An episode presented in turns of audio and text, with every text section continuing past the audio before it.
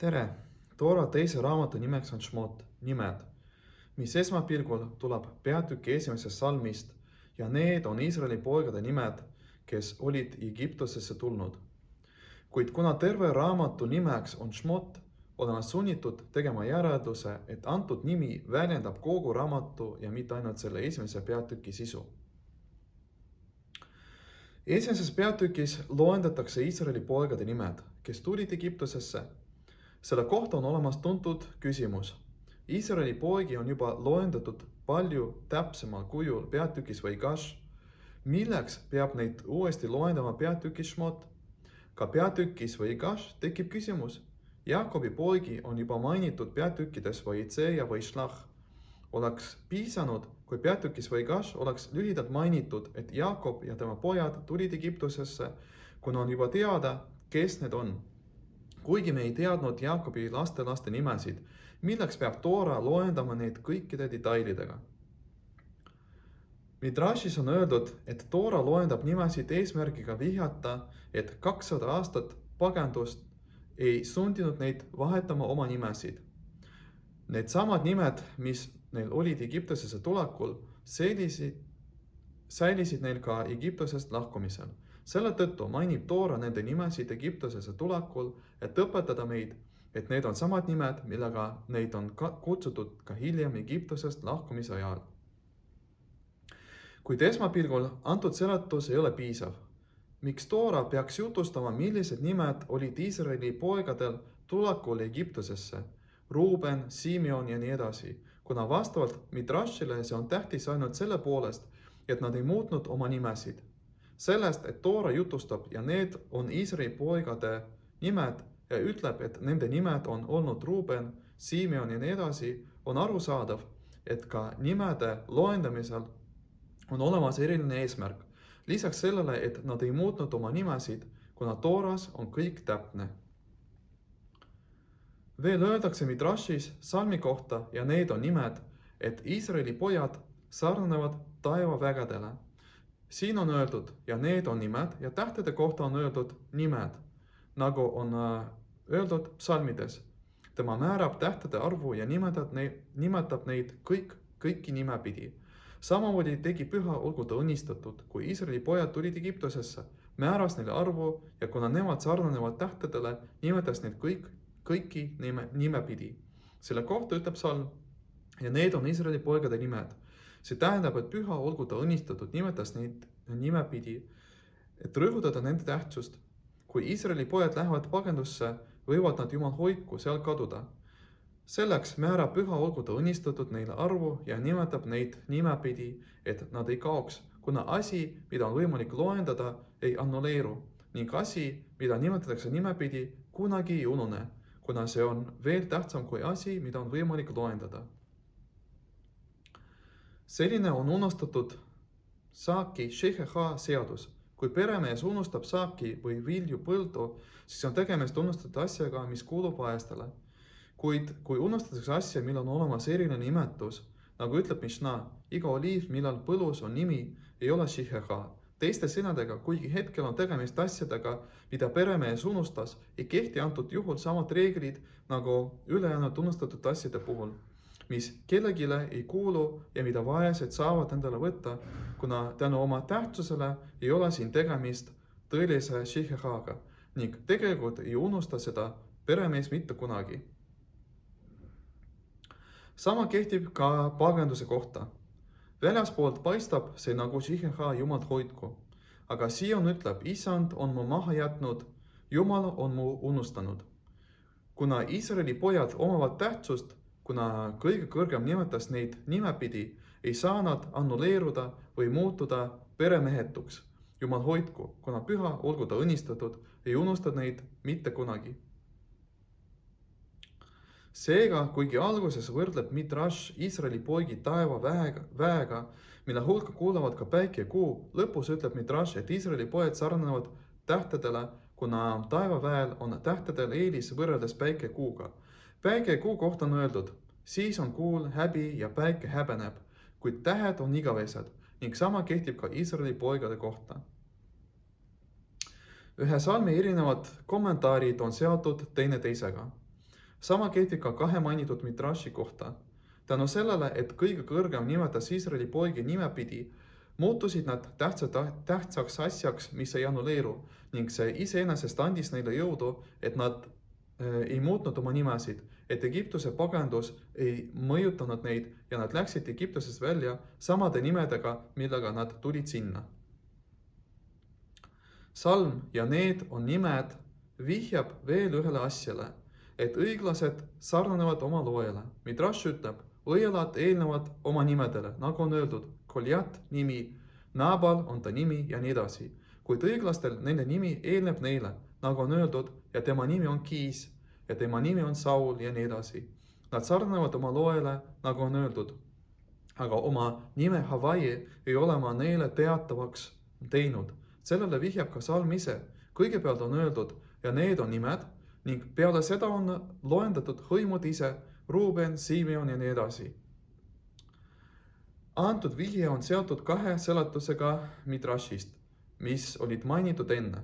põhjus, miks Iisraeli pojad sarnanevad tähtedele ja ei muutnud oma nimesid, on kuna Iisraeli pojad on õiglased ja sarnanevad oma loojale.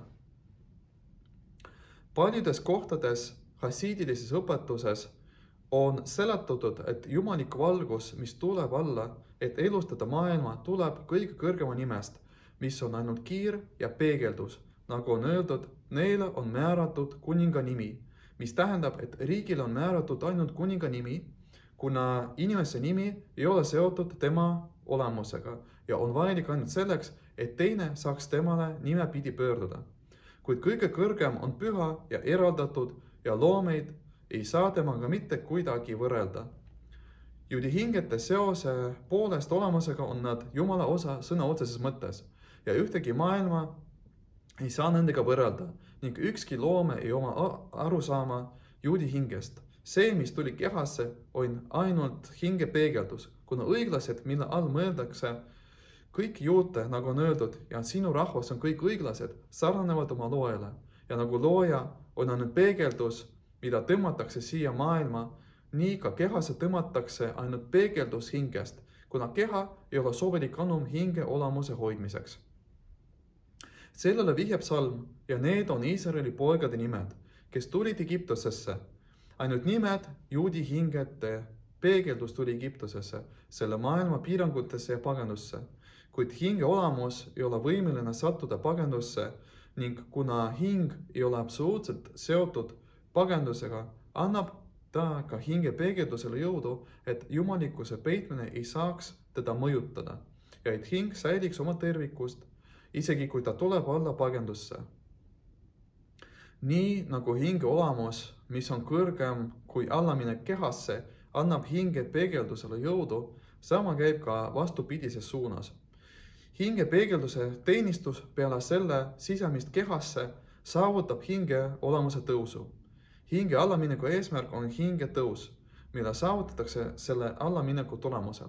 on teada, et see ülesminek ei ole seotud ainult hinge peegeldusega, vaid ka hinge olemusega, mis asub üleval ja mis tõuseb sellisele tasemele, millele see omaette ilma hinge peegelduse teenistust ei saaks kunagi jõuda.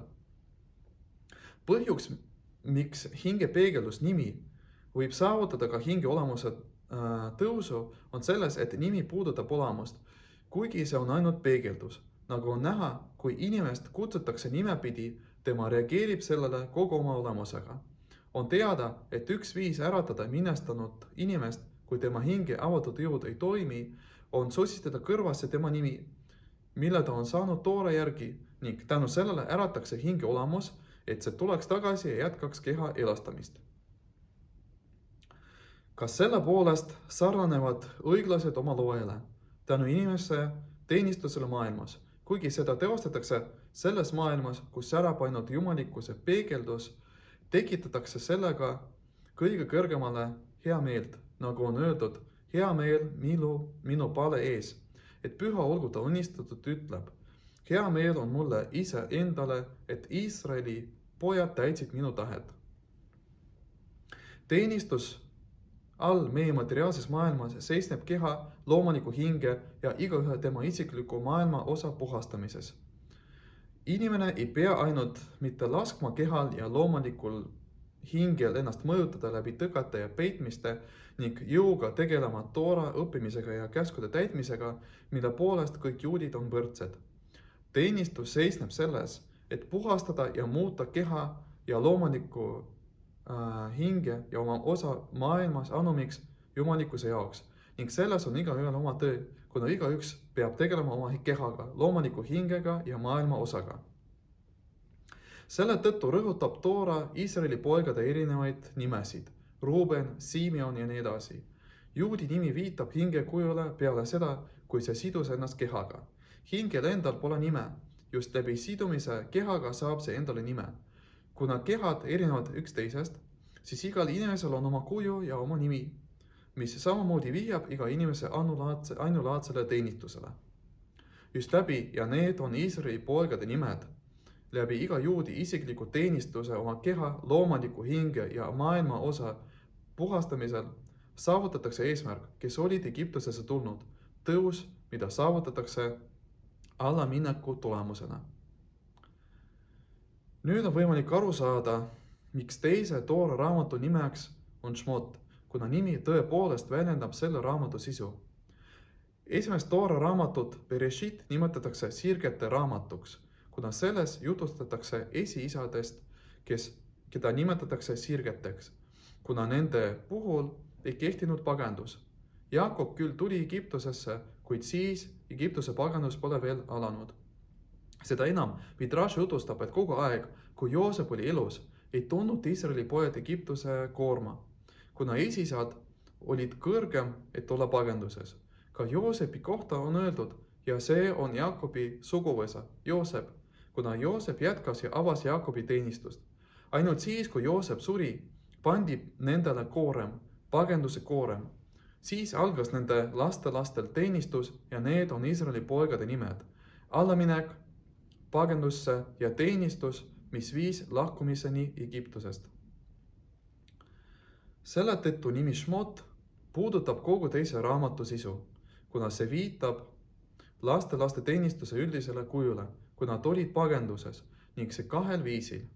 ainult nimi, hingeolamuse peegeldus asub pagenduses ning hingeolamus, olles kõrgem, et olla pagenduses, annab jõudu hingeolamuse peegelduse teenistuseks.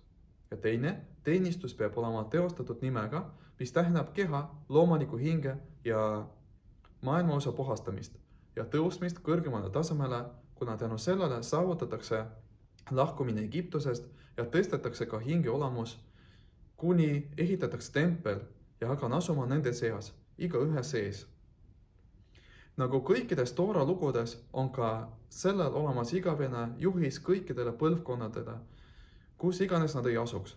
kõikidel eriti rasketel aegadel pagenduses peab inimene teadma, et ta ei tohi karta ja tal on keelatud ahastada, jumal hoidku, kuna juudi hinge olamus kunagi ei asu pagenduses ning ükski peitmine teda ei mõjuta. seda enam, hinge olamus annab inimesele, kes asub all, jõudu, et pagendus ei saaks teda mõjutada ja et ta saaks täita oma isiklikku tööd, mis on seotud tema kehaga, loomuliku hingega ja maailma osaga. tööd, mis asub eriti kõrgel tasemel, mille kaudu saavutatakse ka hinge olemuse tõus sellise määrani, et saavutatakse ja hakkan asuma nende seas, kui saavutatakse täielik vabastus kohe varsti. Shabbat shalom ja meeldivat Toora õppimist